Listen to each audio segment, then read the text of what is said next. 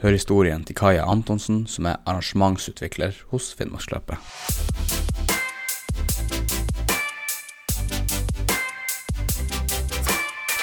Velkommen hit.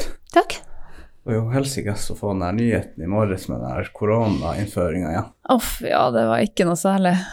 Nei, vi eh, Men vi håper jo at hvis vi tar tak nå, så eh, vil i hvert fall Finnmarksløpet kunne gå i, i mars.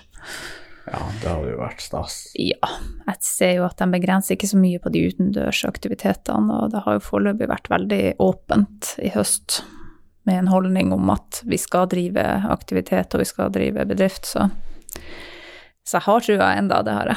Men det hadde jeg i fjor òg, så jeg er jo tydeligvis eh, veldig optimistisk. Ja, nei, man må jo bare være optimistisk. Det er sånn. Det er jo ikke bare stas når, eh, når løpet har allerede blitt kansellert pga.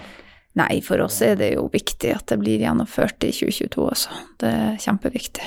Ikke bare for eh, ikke bare for vår del som sånn jobbmessig, men det er klart for sporten sin del så er det viktig at de har noe å jobbe mot, og det er noe med motivasjon i det å kjøre inn mot et løp, da. Mm. Mm. Så det er sikkert også mye bra ringeffekter av at dere er så ja, har det løpet, rett og slett. Sånne lokale bedrifter. Absolutt. Det er jo masse som eh, Altså, det kommer så mye folk, og det er så mye bilder fra Finnmark, ikke sant. Så mye markedsføring. Det vises eh, et vinter-Finnmark som vises på nasjonal TV i en hel uke. I tillegg så eh, ser vi jo at eh, på de små plassene spesielt, så er det skjer det ikke like mye som det gjør kanskje i Alta og i, i Kirkenes og Hammerfest og sånn, og da de setter veldig pris på det med konsertene og med det livet som blir laga når vi kommer, da. Så det blir liksom en egen, eh, en egen liten festival for dem, da. Ja, det er jo knall når det blir mer liv i, i byene. Ja, det er litt, eh, det er litt som Roger Finne bruker å si, det her med lys mellom husene. Ja, Mm. det er Det første jeg har hørt. Å ja, nei, det syns jeg er veldig fin. Det, det handler mye om det for oss som bor her i nord, da, som eh, har litt langt imellom alt.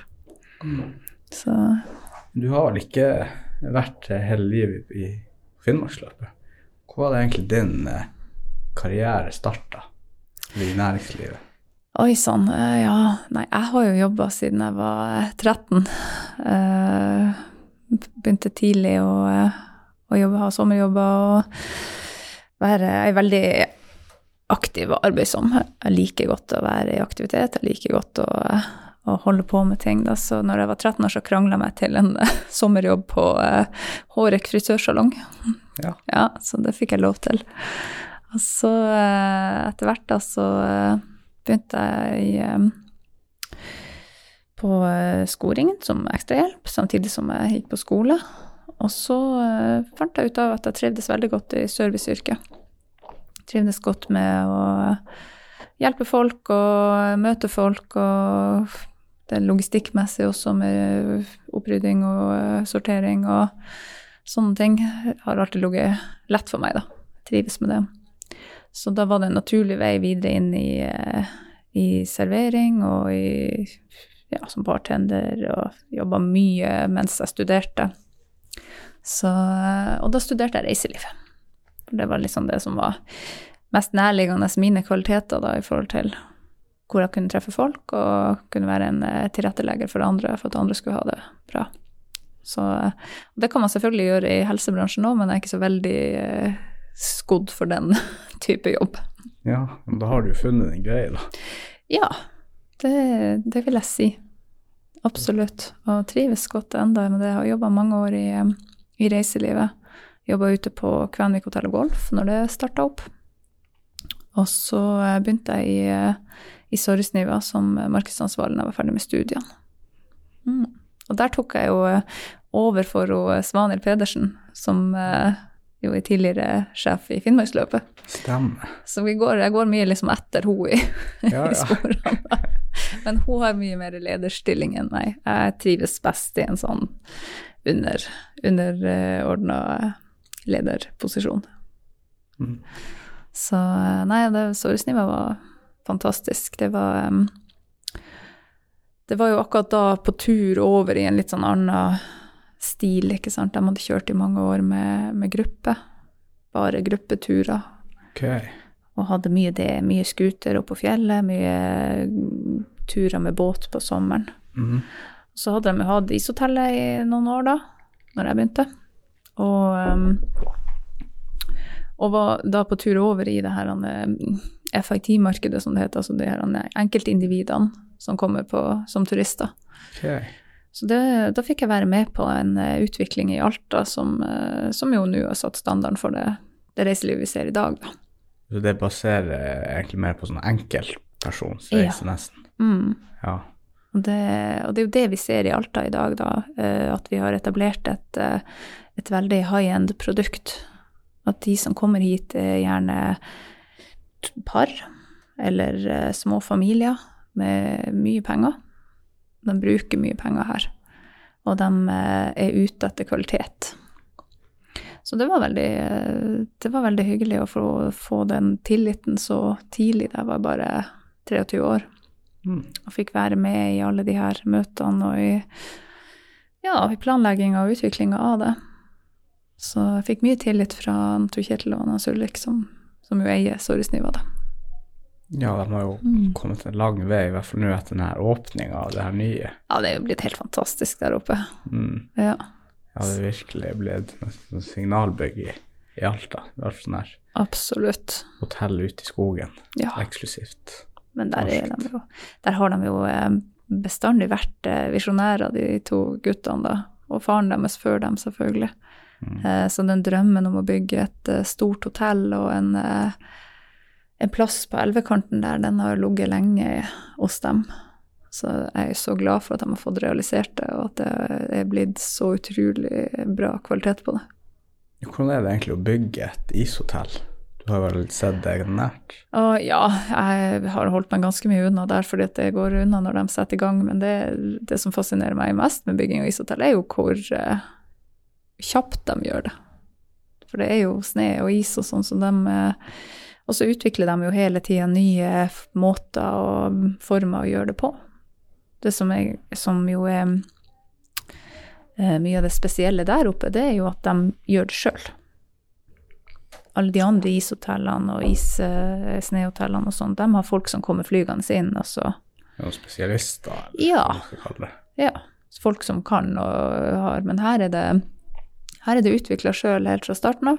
Mm. Og vi har fantastiske isskulptører i Alta, med Jonny Trasti og han eh, Knut Sakse Kjelsberg, og så er det jo kommet mange flere til, da. Og det tror jeg er kommet på grunn av, eh, av ishotellet i Sorgsniva, da. Mm. At de har fått lov å prøve seg der og, og få liksom litt, eh, litt inspirasjon og litt lyst til å holde på med det.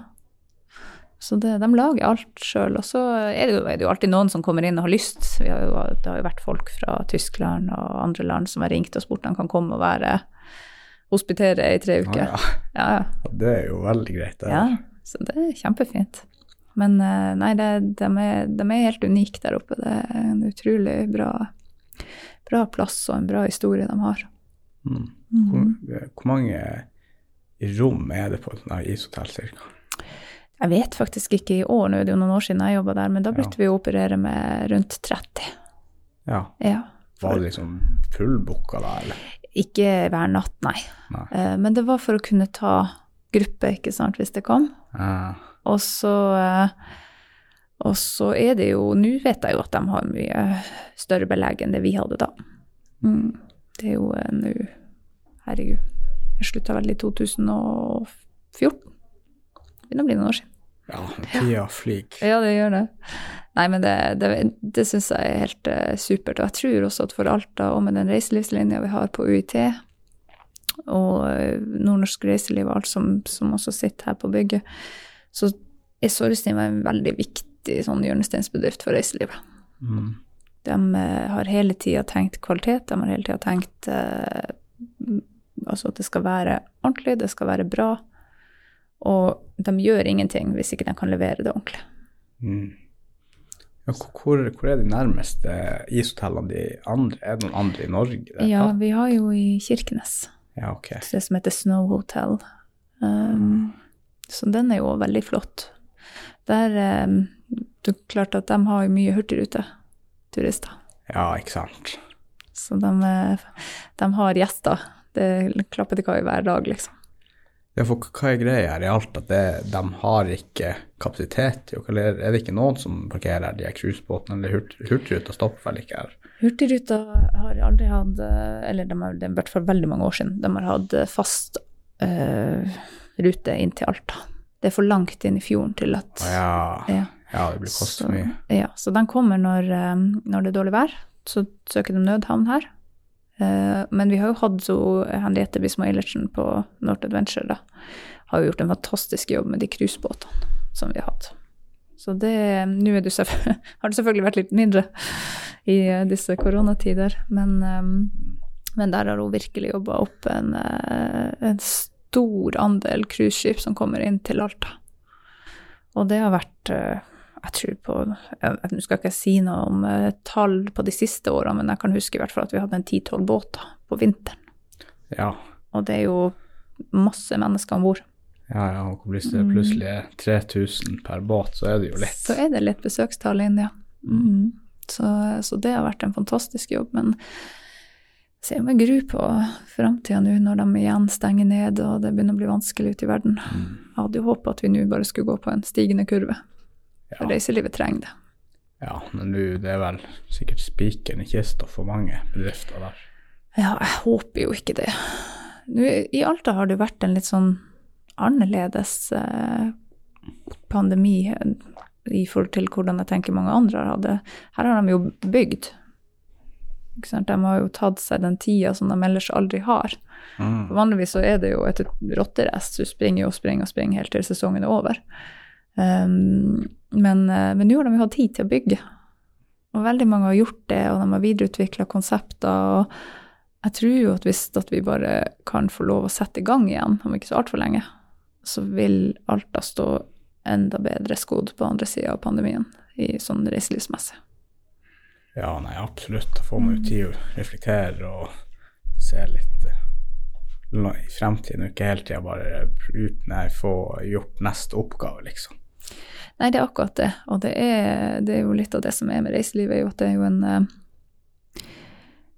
Det er veldig pressa økonomisk, ikke sant. Ja, små marginer. Veldig små marginer, sånn at du kan ikke drive og ha masse ansatte som skal jobbe bare med utvikling. Så du er nødt til å gjøre alt sjøl, Mm. veldig ofte. Frem til du kommer over på en litt mer sånn kjempestor drift. Og det, det er veldig få som har det i Norge. Så, så det å få landa litt nå, for dem å få tid til å ta de her, gjøre de tankene og se om hvordan man kan effektivisere og hvordan man kan forbedre ting, det tror jeg det har ikke vært så dumt. Men det er klart, det er jo dumt å ikke få inntekt. Nei, det er jo krise. Ja. Så er det veldig mye sånn eh, sesongbasert med tanke på ansettelse av folk også. Ja. Ja, alt er vel sesongbasert. Absolutt veldig mye. Ja. Så, eh, og det ser man jo spesielt hotellene sliter med nå. Ikke sant? At, eh, og også det at de har vært nødt til å si opp eller permittere folk som er servitører, som har vært kokker, som har vaska rom. Um, og det har ikke vært noe utsikt. Når vi begynte å permittere i reiselivsbransjen i, i mars 2020, så var det ikke noe utsikt til at det her skulle ordne seg om en kort tid. Mm. Og da finner folk seg en annen å gjøre. For det trengs alltid folk i helsebransjen. Du kan alltids begynne på skole, ikke sant. Mm. Så nå når de har starta opp igjen, så har det vært eh, veldig vanskelig å få folk tilbake i de her stillingene. Ja, det er jo Vi mister jo alt kompetanse, egentlig. Mm, det er akkurat det. Så eh, Og det er jo en kjempeutfordring. For jeg ser jo Jeg snakka litt med dem på hotellet her om dagen, og da snakka vi litt om det her med at folk ikke Folk har jo en forventning om en service. Fordi at i Norge er vi jo gode på service, og vi er vant til at det skal skje fort, og at det skal være i orden og i det hele tatt. Um, og rett etter at det åpna igjen etter koronaen, så hadde vi som kunder et slack, ikke sant? Ja. Der vi ga dem litt slack. Det er greit, ok, jeg skjønner at du er ny her. Ja. Uh, men nå har vi ikke det lenger. Nå er vi tilbake på den samme forventninga om Og de har ikke den kunnskapen enda. For det tar det jo flere år å innarbeide. ja, da blir det kollisjon. Ja, sånn at eh, Så det sliter de også litt med. At de føler ikke at de klarer å holde det samme servicenivået på, eh, på alt. Jeg så jo en artikkel senest i dag fra Eventyr, Mm. Sa jo nesten bare ja, jeg har 75 ansatte og 40 millioner i omsetning til salgs, rett og slett. Mm. Så det høres jo trasig ut. Ja. Men jeg har også hørt nå i det siste at det er vanskelig å få tak i ja, at det er veldig vanskelig å få tak i arbeidskraft nå til restauranter og servitører og kokker, at det er nesten umulig å få folk. Det er det. Da vises jo effekten allerede Ja. på det. Eller det har det gjort lenge, da. Ja da, så det, det vil nok eh, gå noen år før vi er tilbake i, i vanlig eh, gjenge, hvis vi noen gang kommer dit. Men, eh, men det er klart det er også Det er en lavtlønna bransje. Så det er ikke nødvendigvis så fristende heller for folk som har begynt å jobbe kanskje på andre plasser, å gå tilbake. Mm. Det er er. Mm. Så det, der er det utfordringer. Men nå vet jeg jo at NHO Reiseliv jobber godt med å sikre og med å hjelpe til og med å finne nye rutiner. Så det er jo mange gode organ, og det tror jeg jo at eh, bedriftene har sett at de har hatt behov for. Det man vanligvis før kanskje ikke har tenkt så mye over at man Ja, er medlemsbedrift Ja, det er her. Og, mm, jeg tenkte bare når jeg hørte først om det her NHO Jeg er vel ikke medlem der sjøl, da, men eh, det hørtes litt sånn ja, det her trenger man jo sikkert ikke. Men ikke sant, hvis du er en reiselivsbedrift, så er jo det der nå alfa og omega. mm, Så det er bare å melde seg inn, da, hvis man er absolutt, det er det. Det er klart at det er, det er jo den veien du har inn mot politikere. Det er jo talerøret ditt ah, Ja, ikke sant. opp mot uh, regjeringa. Så det, Hvordan, vet du hvordan funker, det nå? Sitter de med regjeringa sørpå? Eller Nei da, de er jo kontorer ute i eh, ja, så, Men de har påvirkningskraft. Påvirkere, ja. de er stort, det er et stort og sterkt organ mm, som, eh, som taler virksomhetene sin sak. Og de har jo ikke bare reiseliv, selvfølgelig, de har jo mye annet. Ja. Så jeg vet spesielt om Vegard Uglebakken har jo brukt NHO mye og aktivt nå i pandemien. Mm. Så, men han har mer erfaring med det enn meg. Ja, jeg tror han er flink med sånn der sånt tilskudd og greier. Han er kjempeflink, og så er han jo tydelig, og så er han veldig, eh, veldig sånn eh, praktisk anlagt. ikke? Han ser vi trenger det her og det her og det her, og så får han kommunisert det inn. Det, det er viktig for bransjen. Så han har vært et veldig godt tilskudd her. I byen vår i hvert fall. Og også sannsynligvis for resten av bransjen i Norge. Hvor var du egentlig når, når korona traff? Da jobba jeg i, eh, på eh, reisebyrå her i Alta, på G-Travel, het det da. Nå heter det Berg-Hansen. Um, men akkurat når koronaen traff, så var jeg faktisk frivillig på Finnmarksløpet. Ja. Så da var jeg med å, eh, å arrangere, eller da gjorde jeg det som frivillig, som, jeg, som er en del av den jobben jeg har i dag, da. Med de partnerarrangementene og det å sørge for at alt går smertefritt der. Mm. Så eh, jeg var på Når var nå egentlig det? Jeg var nok eh, på jobb den, akkurat den dagen var jeg borte på jobben og satt og planla litt og laga liste. Men dagen før, nei, fire dager før så hadde jeg jo stått eh, i kontorene eh, hos Sparebanken og håndhilst på statsministeren, og det var jo eh, Når man ser tilbake på det nå, så var det jo galskap. Vi hadde 500 stykker på bankett, kronprinsen blant annet. ja, tror jeg faktisk jeg var på den. banketten. Ja. Jeg husker jeg måtte røyse oss opp når han kom inn. Ja, ja. Faktisk. Så eh, det var ikke helt i, i forhold til eh, dagens forskrifter. Nei. Og vi hadde et håp og en tru om at vi skulle klare å gjennomføre hele løpet. Faktisk helt til de stengte. Mm. For det virka så eh, Det virka så eh, alvorlig og stort å liksom stenge ned helt. Mm. Men det er klart, når, det ble, når kontrakten ble trukket ut, så ble den trukket ut. da var det bare å gå hjem. Ja, det er ikke så mye man kan gjøre. Det er jo å diskutere med regjeringen. Nei da, det var, vi hadde ikke noe valg på noe som helst. Mm. Mm. Ja, nei, da måtte jeg bare stenge ned alt. Ja. Sånn er det. Men hvordan, eh, hvordan er det å være å jobbe i Finnmarksløpet? Liker du jobben? Jeg trives kjempegodt. Ja, ja. Eh, Det var jo kjempetrist at ikke vi fikk kjøre løpet i 2021, selvfølgelig. Det er jo litt vanskelig å være arrangementsutvikler når man ikke har noe arrangement å utvikle. men, eh, men vi var jo også heldige og fikk statsbudsjettmidler for 2021. Ok, ja, det er jo gull verdt. Absolutt. Og de midlene var jo øremerka for prosjekter for næringsutvikling i, i regionen, da. Um, så det har vi kunnet jobbe med i denne tida da når vi har hatt det rolig. Mm. Ja. Så, så det har vært eh, kjempefint. Og så er det jo en jobb som, som jeg liker. ikke sant? Jeg liker jo å være ute og snakke med folk, og jeg liker å prate med, med partnerne. Jeg føler at vi har en kjempestor organisasjon, selv om vi bare er tre og en halv stilling. Så vi, eh, vi prater masse med folk rundt omkring, både kommuner og samarbeidspartnere og kjørere og ja. Det er liksom så mange å forholde seg til. Ja, for da er det både liksom planlegging og få nye sponsorer. Ja, ja. Fornying av kontrakter og diskusjoner med kommuner og hvor man skal, hvordan man skal gjøre logistikken, ikke sant. Nei, det, det er veldig, veldig artig. Så er kontraktene er det vanligvis år til år, eller har dere langsiktige kontrakter også? vi ønsker jo Det er noen ting du må gjøre år til år. Men eh, vanligvis så forhandler vi jo på tre år, fordi at ellers så vil vi jo bare bruke tida på å forhandle. Ja, Ja. ja, det er jo sant. Ja. Så det, men det, det går mye tid med til eh, oppfølging av partnere og, og produsering av materiale. Det gjør jo Trond Anton, lager masse film og video og sånn. Alt skal planlegges, og alt skal diskuteres. Og, mm. og så er vi jo Det som kanskje er utfordringa med Finnmarksløpet, er jo at Finnmarksløpet er jo én gang i året på vinteren. Og når vi, eh, når vi da begynner å mase på folk i sånn juni, så er de ikke helt der. Ja, så, ja godt poeng. så vi får eh, Jeg tror vi bruker mye tid på å vente på svar. Rett og slett. Jeg vil liksom må gjøre andre ting imellom, og, så prosessene kan være ganske lange. Ja, for dere er jo klar rett etter. Ja, vi er klare hele tida. så, men det, det fungerer veldig fint, og vi er jo klar over det, så vi må jo bare legge en litt sånn ekstra masegir innimellom, så blir- Send noen purringer. ja, så går det fint. Nei, men det, det er en fantastisk artig jobb, og det, jeg gleder meg veldig til å kjøre i 2022 og få gjennomført mye av den planlegginga. Liksom, mye av min jobb går jo ut på det å, å utvikle folkefesten rundt. Mm, okay. ok. Mm.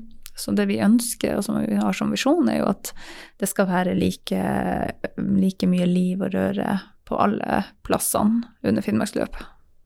Alta er jo allerede veldig, veldig bra. Mm. Og vi har en følelse av at de fleste i Alta er stolt av løpet og bruker den anledninga som Finnmarksløpet er til å invitere folk, eller kollegaer, eller eh, ja, andre bedrifter inn. Da viser vi frem byen, da viser vi frem hva vi har, og hva vi kan. Mm. Og, eh, og den stemninga som er da, er jo veldig sånn Den er veldig god. Det er veldig trivelig å være altaværing når det, når det står på. Og det ønsker vi at det skal være det samme, om du er i Kirkenes eller om du er Karasjok eller Kautokeino eller Tana.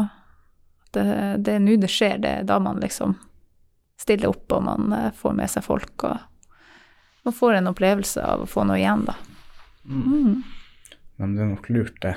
Så da er fokus hvor, hvordan, hvor går Finnmarksløpet? Går det gjennom Karasjok og Kautokeino? Ja, vi har jo um, Vi har jo tre løp. Vi har Finnmarksløpet 1200, som er den lengste klassen. Mm. Den går helt til uh, Kirkenes. Og da er det jo uh, Alta, Kautokeino, Tana, og så er det jo innom ikke sant, alle fjellstuene innimellom. Ja, Ja, ja. Tana og kommer over til Neiden, og så opp, helt opp til Pasvik. Og så ned til eh, Kirkenes. Og så snur det innover igjen og tilbake. Og da kjører den ikke Kautokeino på tilbakeveien, men Karasjok. Og så over Jotka. Ah, Mm. Og eh, 600 kjører akkurat samme løypa, men de stopper i Levajok snur der. Mm. Ja. Og så har vi jo eh, juniorene, som kjører 200. Og de kjører over Jotka i utgangspunktet, altså til eh, rett utfor eh, Eller ikke rett ut, litt utfor Karasjok. og så tilbake derfra, da. Ja, Ja. 200 km høres mye ut fortsatt. Det høres mye ut, og det er jo mye hvis du ikke er vant, men de følges jo veldig godt opp. Der har vi litt ekstra sikkerhet, og så har de med seg ledeskuter og, og baktropp på skuter og Ah, ja, så da er det én scooter per slede? Nei da, da, men de kjører ganske samla. Det er aldri Ja. et sånt kjempestort uh, felt. Sånn at uh, det går på et par dager. De er jo starter ut på uh, lørdagen og er tilbake igjen på, på søndag. Ja, da er det jo egentlig kort og greit. Veldig greit. Så de, eh, de er utrolig tøffe, de ungdommene. Det jeg vet ikke om jeg hadde stilt meg bak på et hundespann og starta over eh, vidda alene i Skulle bare satt deg opp igjen i sledene på Nesla, så får du jo hele opplevelsen. Jeg fryser så mye, så jeg tror jeg skal holde meg på min egen. Jeg legger meg ikke så mye opp i sporten, jeg syns det er fantastisk. Jeg har kjørt mye hund eh, som liten, jeg hadde, både, hadde flere venner som hadde hundesbarn. Så, eh, så det er supert. Men eh, jeg fungerer nok bedre som en sånn logistikkansvarlig. Jeg tror nærmest jeg har vært som hundespann, det er sånn her rein slede. ja, det, da er det ganske langt unna. Ja, det er ganske langt. Det er scooter også, da. Ja. Nei, du må bli ferdig å kjøre hund. Det er jo fantastisk artig. Ja, det er jo det. Det er det. Men uh, det er klart, mange er jo redd hunder, og mange har ikke den der uh, tryggheten på Det her er jo store dyr, og så er de jo ganske ville, og eller kan i hvert fall virke som vill for, en, eh, for et utrent øye. Men eh, jeg har alltid elska hunder og storkosa meg med, med alle dyr generelt, men, eh, men i hundegårdene spesielt. Så det var jo en det var jo en glede for meg å ha så nært. Jeg vokste opp på Tangen, eh, ikke så langt fra der hvor Hanna Lyrek og dem har. Ja, Mm, på eh, Trasti og Trine. ja, Ja. sant. Der er det vel ganske mange hunder. Og der var det mye hunder, ja. Men de bodde ikke der da. Det bodde en annen en kompis av meg som bodde der, men de hadde òg hundegård. Mm. Så det var, eh, det var Bruker du da noen problemer under, for her i Alta når det starter, da er det jo veldig mye mennesker. Du eh, bruker hunder og blir redd. Hundene kan bli redde, ja, hvis det blir mye lyd. Um, men de er så gira på starten. Sånn at eh, det er litt sånn Vi prøver jo å ta hensyn til det, og vi prøver jo å, å be folk om å holde seg litt bak, ikke sant, man ikke står og klapper og lager lyd på. Ja, ikke sant. Ja. Står med megafon der Ja, og roper ut. Men du vet, Trond Anton står jo og roper i, i mikrofonen der, men, Ja. eh, men de er, i starten så er de såpass på at de Og de, eh, de som kjører, og som vet at de skal kjøre Vimmersløpet, de øver litt på det. Okay, Øver er litt på lyd og Ja. Ja. Um, vi har jo også hatt eh, tilfeller ikke sant, der hundene kommer i mål og er kjempesliten og har sprunget langt, og så blir de redd fordi at da kommer plutselig, da blir det plutselig masse lys og masse Hvis du kommer på kvelden, ikke sant, så har du sprunget i mørket i milevis, så kommer du opp, og så kommer du rett inn på den flombelysninga sånn. ja, så står folk der med Ja, ja, og bråk og sånn. Så vi, eh, men det er klart, vi jobber jo kontinuerlig med det her, for det er jo en del av dyrevelferden. Eh, Og da, hvis vi ser at det er tilfeller som skjer sånn, så må vi ta en evaluering og tenke på andre løsninger. Eller i hvert fall mer info og sånn. Så det, men det er, det er ganske utrolig, og det er jo artig å stå og se på de hundene når de skal ut. For de er jo så gira at du ser jo liksom gleden i blikket på dem, og det er Ja, de vet, de vet egentlig hva som kommer til å skje. ja, ja, de elsker det jo. Så eh, det, det, jeg syns absolutt at eh, starten på, på Finnmarksløpet er helt magisk. Utrolig artig å være med på. Ja, og jeg kan tenke meg den mestringsfølelsen man, kan, man får, spesielt for dere, når alt er ferdig og alt har gått etter planen. Det må jo også være helt fantastisk. Ja, da er det Som regel er man jo ganske utlada. Det er jo eh, tolv dager med hardkjør. Mm. Det går ganske så i ett. Um, men, eh, men det er jo utrolig deilig når det er ferdig. For da er det jo Da vet vi at nå har vi, nå har vi landa. Men eh, ja, så da bruker vi å ta litt eh, pause, og så er det rydding. Ja, For det, det blir mye rot når man skal, når man skal holde på i tolv dager i strekk, og det er mye folk i røring her. det kan jeg tenke meg. Hvor mange er egentlig involvert? Vi vet sånn cirka hvor mange som frivillige og Ja, det er vel frivillige. Det er fri, vi har jo eh, 600 frivillige. Ja, ikke sant? Ja. Ikke, ikke mindre enn det. Og så er det jo opptil ja, rundt 120 kjørere. Eh, og de har jo med seg sine igjen, så det er jo handlere, ikke sant, og familie. Og eh, ja, i det hele tatt, det er et kjempestort apparat. Så eh, at, at det de sammen er rundt eh, 800-900 mennesker i sving i fylket, på, bare for å arrangere og få kjørt. Og Hvordan eh, organiserer dere da arbeidsoppgaver? Det har jo eh, Altså, vi, jo, vi har jo hvert vårt felt.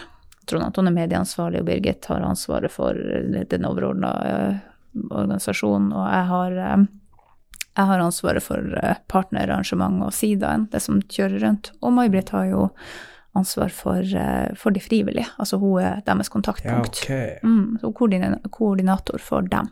Mm. Og det har jo hun gjort i mange år, eh, og så har hun vært utrolig dyktig å gi dem mye ansvar sjøl. Ah. Sånn at eh, dem, veldig mange av våre frivillige vet hva de skal gjøre. I sånn, vi trenger ikke å stå og detaljstyre ting. Så, um, og det handler litt om det også når du skal være frivillig i Finnmarksløpet, at du må, du må se jobben litt. Du må ta litt tak. Du kan ikke bare stå og vente på å få en beskjed om å gjøre noe. Du må liksom Nei, man må bare gjøre noe. ja, du må bare rett og slett eh, hive deg på. Mm. Det som er jo artig med vår frivillige gjeng, er jo at eh, 400 av dem er jo uh, skoleelever. Ok, det er jo veldig høyt antall. Det er det. Det er veldig mange, og det er, da har vi med Vi har universitetet med. På medialinja, på reiselivslinja. Eh, Nå er vi også på lærerlinja. Og så har vi jo um, videregående skolen i Alta, som stiller med folk fra transportlinja til å sette opp skiltene. Det gjør de hvert år. Eh, der stiller de med folk fra reiselivslinja for å kjøre den her suvenirbutikken vår. Ah. Så de får liksom jobbe litt eh, Eller nå heter det vel handel og service. Så de, og de har vært med nå helt siden i høst, denne den her klassen, da. Og de er med på varetelling, de får drive litt nettbutikk. ikke sant? Så de får en praksis i det. Ja, det blir jo vinn-vinn, egentlig. Ja ja, visst er det det. Så eh, kjempeartig for oss, for vi lover jo med ungdommene, og kjempefint for dem å få litt praksis inn i, i faget. Mm. Og så har vi jo Nytta våre er jo at vi skal eh, I stedet for å sette opp et telt og ha butikken i, så har vi kjøpt inn en eh, tømmerhytte. Å ja, det er Ja. fancy. Ja, det er veldig kult. Og, og der har vi samarbeid med tømrerlinja på um, Alta videregående skole. For de har egentlig i læreplanen sin at de skal lære å sette opp tømmerhus. Men det får de aldri gjøre her oppe, for det er veldig få som bygger det. Mm, ja. Så nå skal de hvert år eh, sette den opp og plukke den ned. ja. Hvor skal den være her i, på sentrum? Ja, midt på eh, Altså rett utfor den her eh, Catch 22, på en måte, Ja. som blir litt bak tribunene der. Mm. Og der har Alta Skifer vært eh, utrolig kul og sagt at det, dere skal selvfølgelig få skifertak. For de ønsker at snekkerne, altså de her snekkerlærlingene, skal øve seg på å legge skifertak. For det får de heller ikke gjort så ofte. Så det er en sånn kjempesymbiose som bare blir helt super for alle parter. Mm. Så vi får et varmt bygg og, til ungdommene som skal stå der og selge, og de får øve seg på ting som de ikke ville fått tilgang på ellers. Det er jo fantastisk. Mm, Det er bra markedsføring også for alt skifer og absolutt. næring og hele pakka. Ja. Så det, vi, er, vi er ganske stolte av den der denne læringsarenaen som Finnmarksløpet er. Og det er jo veldig bra grunnlag også for å selge det videre, altså for å få flere støtnader og tilskudd og Absolutt. fra de her. Ja. Innovasjon Norge, kanskje. Ja, og fra fylket, ikke sant. Det at vi At fylket ser hva vi bidrar med for dem, det er kjempeviktig. Så, så det er utrolig bra. Så har vi jo flere av folkehøyskolene driver sjekkpunktene, sånn som Pasvik folkehøyskole. De driver to-tre to, av sjekkpunktene. Det her må jo blitt proff på, jeg husker aldri de her Ja. tallene. og Alta folkehøyskole er med på flere av sjekkpunktene. Og så har vi faktisk en eh, folkehøyskole som kommer helt fra Troms. 69 grader nord fra, fra Troms fylke, som også kommer opp, og de er også med å hjelpe til. Mm. De er her i ti dager. Ja, det er jo, det er jo en lang tid. Men Ja. hva bor de på hotell da, eller? Nei, nei. Nei da, her er det ikke, vi har ikke råd til hotell. nei da, da, de, da leier vi noen sånne skole eller samfunnshus eller noe sånt som de kan eh, Som de eh, slår seg til på. Ja. Så Nei, men det her er liksom også nå, hvis det enda er strenge koronaregler, kan man ikke Man kan jo sikkert gjennomføre det for det, om på en måte bare at det blir mer sånn restriktivt, eller er det sånn de nye reglene gjør at man ikke kan ha noe sånne arrangementer? Nei, vet du. Det endrer seg jo også hele tida. Det gjør det jo, men sånn som jeg ser det nå, da, så, så skal det vel mye til for at vi går inn i total lockdown. Ja. Det har de vel signalisert at vi ikke ønsker på noe som helst vis. Og eh, vi laga veldig, veldig mye smittevernplaner i fjor. Så vi har veldig, veldig mange alternativ. Det var stort sett det vi holdt på med. Så, eh, så det, vi har flere alternativ å gå på, ikke sant, på nedskalering i forhold til arrangement. Så det skal gå. Men jeg håper jo at vi slipper å skalere ned. Jeg håper vi får kjøre en ordentlig runde. Ja, for, eh, for det er noe med det, da.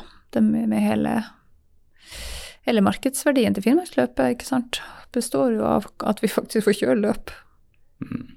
Og så er det veldig mange som blir skadelidende av at det ikke blir. ikke sant? Veldig mange av de her elevene som vi akkurat har snakka om, som ikke får den praksisen de skulle hatt, som ikke får den boosten som de trenger. Og kjøre hundeløp kjører han selvfølgelig. Det Ja, er jo de implisitt, ja, selvfølgelig. ikke sant. Ja, ja. Og de har jo også sponsorer som skal vises, ikke sant. Mange av dem. ja, ikke sant. Så det er så mange ringvirkninger. Men jeg håper virkelig at det, at det går seg til. Men hvordan er det? Er det NRK og TV 2? De sender, sender mye av arrangementet? NRK. De, ja, Vi har NRK, ja. samarbeidsavtale med NRK, ja. Ja. ja. Eh, og de har jo hatt De kom med i 2009, og har jo hatt uh, en sending i Ja, på kvelden, en sånn magasinsending, da. Som de har kjørt hele uka mens vi kjører løp. Mm. Og den har jo vært i beste, i beste sendetid, altså. så det har jo vært fantastisk. Der har man laga masse bra materiale. Men så har vi også uh, i Finnmark, som faktisk eh, får noen Jeg må bare ta litt vann. ja, ja, kjør på. Vi har jo også i Finnmark som eh, som eh, i fjor streama hele løpet live. Som kjørte meg rundt og filma og streama, og de hadde jo over eh, 1,1 millioner klikk inn på eh, den linken sin. Ja, Det er ganske bra. det er jo litt Ja. sånn 1,1. Det er det. Så, men det er klart at det, så lenge de har det på en sånn gratis kanal, så kan folk følge den. Og da er det også den eneste veien inn for dem som sitter i utlandet. For de får ikke logga seg inn på NRK. Nei, ikke sant. Så, så det har vært viktig for oss, det samarbeidet med i Finnmark, og de gjør en kjempejobb der. Mm. Hvordan eh, har, du, har du noe fritid, eller er det bare arrangementsutvikling? Jeg har eh, heldigvis eh, mer fritid nå enn jeg hadde i den eh, forrige jobben min. Det har jeg. Um, fordi at Finnmarksløpet er jo lagt opp sånn at vi, vi skal kunne jobbe til vanlig tid, og så blir det jo noen sene kvelder og noen lange dager og, i perioder, men, men det er ikke så heftig hele tida.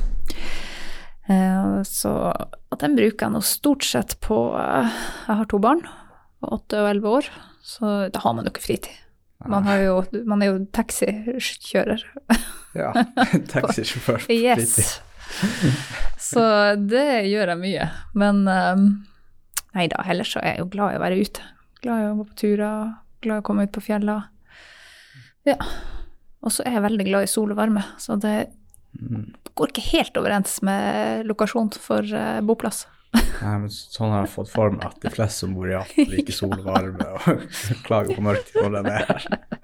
Så det, det, det er vel mer fordi vi mangler det så lenge. Ja. Og Sett, jeg merker også etter den mørketida, jeg setter mye mer pris også da når sola er her. ja, man gjør det. Det er jo deilig. jeg var i Trondheim, da var det nesten Det var så, høst hele, hele vinteren. Ja, glemte Det er det. at det faktisk var vinter. Jeg trodde det var høst Ja. eller vår. og så er det vår hele sommeren. Ja. Nei da, altså jeg er veldig glad i Alta. Kjempeglad i Alta og har familie her. Jeg er født og oppvokst her og trives godt. Og så syns jeg jo at byen vår så ble så fin. Det er så mye alternativ, og det å ha barn i denne byen er jo en drøm. Ikke sant? Du trenger ikke å tenke på noe. Jeg har eh, unger som sykler overalt. Er nært venner. Kommer aldri hjem til middag omtrent. ikke sant? Det er, man trenger ikke å bekymre seg for noe. Ja. De er frie og trygge, og, og det er utrolig deilig. ja, det er vel verre å ha unger i Oslo. Ja, jeg har jo mange venner som bor i andre byer, og de det er et helt annet kjør. Ja, Så vi kan jo godt klage på at vi kjører litt taxi, men der, er- der er det verre. jeg kan tenke meg det egentlig. Så jeg syns at vi At de har gjort mye bra i kommunen, da. De har lagt til rette for utrolig mye bra, og det, sentrum utvikler seg jo hele tida. Det vokser jo i alle mulige veier. Og det kommer så mye nye tilbud, både til voksne og til barn. Eh, Du kan jo gjøre stort sett hva du har lyst til. Du er ikke nødt til å spille håndball eller fotball. Det er tusen alternativer. Så, eh, og samtidig så er det smått nok til at man ikke føler at man mister oversikt. Ja, og så er det, så nært naturen også. Ja, alt er nært. Jeg bor fem minutter fra sentrum og eh, fem minutter fra lysløypa, fem minutter fra sjøen, Ja, fem minutter fra fjellet. Det er jo veldig få plasser i verden der man har en sånn unik plassering som vi har her. Så det, det er jeg utrolig glad i, i byen vår og i den Ja, i det den kan gi oss. Og så kommer jo det er sikkert det her Alta IF-bygget, det nye Ja, det blir jo supert. Eller kommer det, vet du det, eller blir det bare Jeg vet da. ikke. Jeg skal ikke uttale meg om, eh, om hvordan eh, Det er jo finansiering det går på, selvfølgelig. Ja. Ja. Og akkurat nå, så ja, om det er kommunen eller hvem som skal betale for det, det vet jeg ikke. Men hvis det er kommunen, så har de vel et problem. ja. For da må vi betale for litt andre ting først, tror jeg. Jeg så at det var snakk om noe rådhusbytting nå, eller renovering av det gamle. Ja, altså Jeg er ikke noen kommuneøkonom, men jeg syns jo personlig at det hadde vært fint om vi kunne bygd et, eh, et rådhus og kulturhus i ett. For det syns jeg vi mangler enda. Ja, for i Oslo er det jo ganske sentralt til rådhuset. Det er jo midt i Ja, ja. byen også. Det er det jo på mange plasser. Og ja. der har de jo laga utrolig mye bra rundt omkring. Så, men, og det, ja, jeg skjønner at de trenger noe nytt, det er ganske gammelt. men, eh, men selvfølgelig, det er jo kostnadsspørsmål. Ja.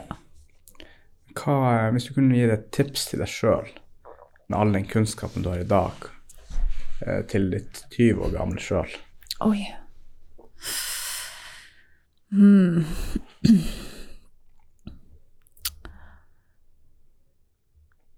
Jeg tror at uh, i mitt tilfelle så måtte det være å roe litt ned. Um, det er jo en lærdom man får som regel, får kanskje de fleste når de begynner å bli litt sånn i midten av 30-årene, at eh, det er ikke alt man er nødt til å være med på. Sånn at man kanskje heller får ta seg tid til å gjøre de tingene man gjør, og samtidig ha eh, tid til å puste litt. For min del har nok det vært den største lærdommen som voksen. ja, som sagt ja til for mye, rett og slett. Ja, rett og slett. Så det, og det går ikke i lengda. Det går når man er 20. Det går ikke når man er 35 og har eh, familie. Så Man må ha litt eh, avslapningstid også. man må det. Og så må man ha kapasitet til å, til å fullføre tankene omtrent. Ja. Så det er nok for min del en, den største lærdommen og den som har vært tøffest. Men, eh, men til andre så syns jeg også det at eh, det å se arbeid, da, og på en måte være litt på, melde seg på um, Og hvis man har en plass der man får tillit tidlig, man må, må stole på at man kan håndtere den tilliten, da. For det har vært eh, viktig for meg å, å se at jeg klarer å stå i de situasjonene, og har alltid trivdes godt med mye ansvar. Så det, man skal ikke være redd for ansvar heller. Nei, man kommer langt med det, og så Ja. må ta litt ansvar. Ja, man gjør det.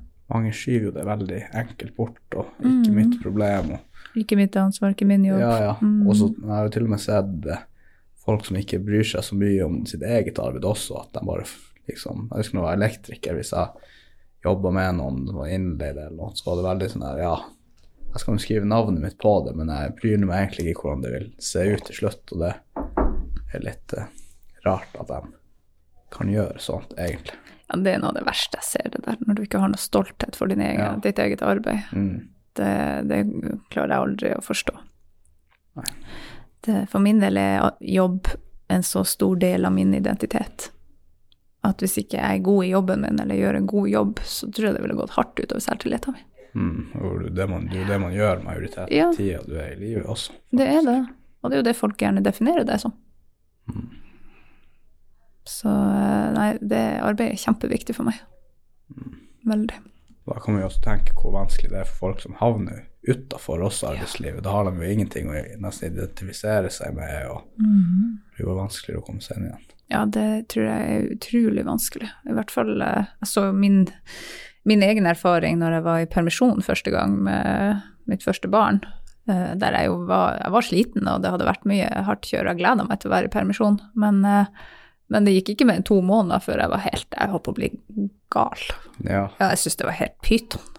ja. Det var helt Så.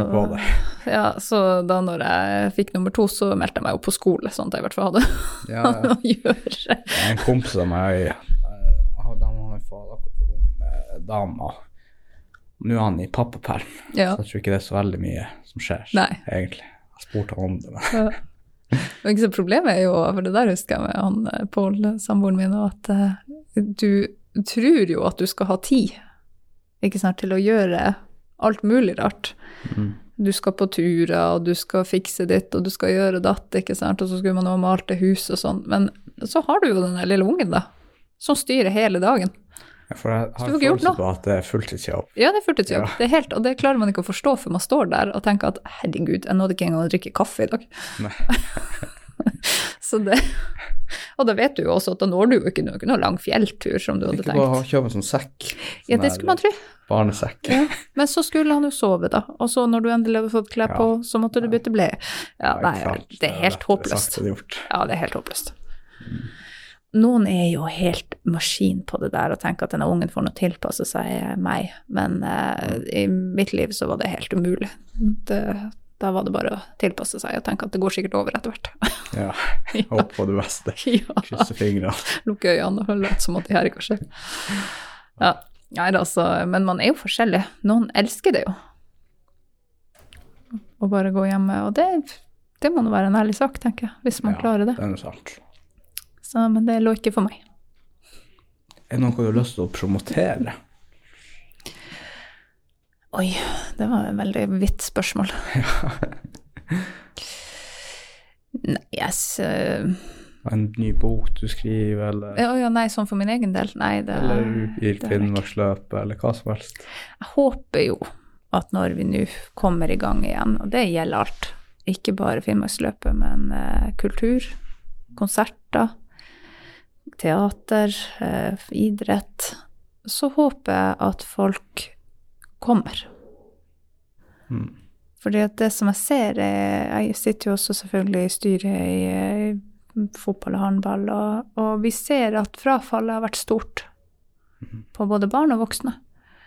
Og jeg snakker med konsertarrangører og teaterforestillinger, og de sier også det samme. Det er, det er mye, mye mindre publikum. Og det har nok en sammenheng med at vi ikke bare det at vi selvfølgelig kanskje syns at det er litt skummelt å gå for man kan få korona, men jeg tror det, her, det handler mest om at det har blitt veldig behagelig å være hjemme. Det gir mening. Mm. Og det, det er veldig dumt. Det Vi blir, er, blir en vane, rett og slett. Ja, det gjør det. Eh, Så jeg håper at folk kommer. At vi kommer tilbake dit, og ganske fort. Og det gjelder selvfølgelig også restaurantene.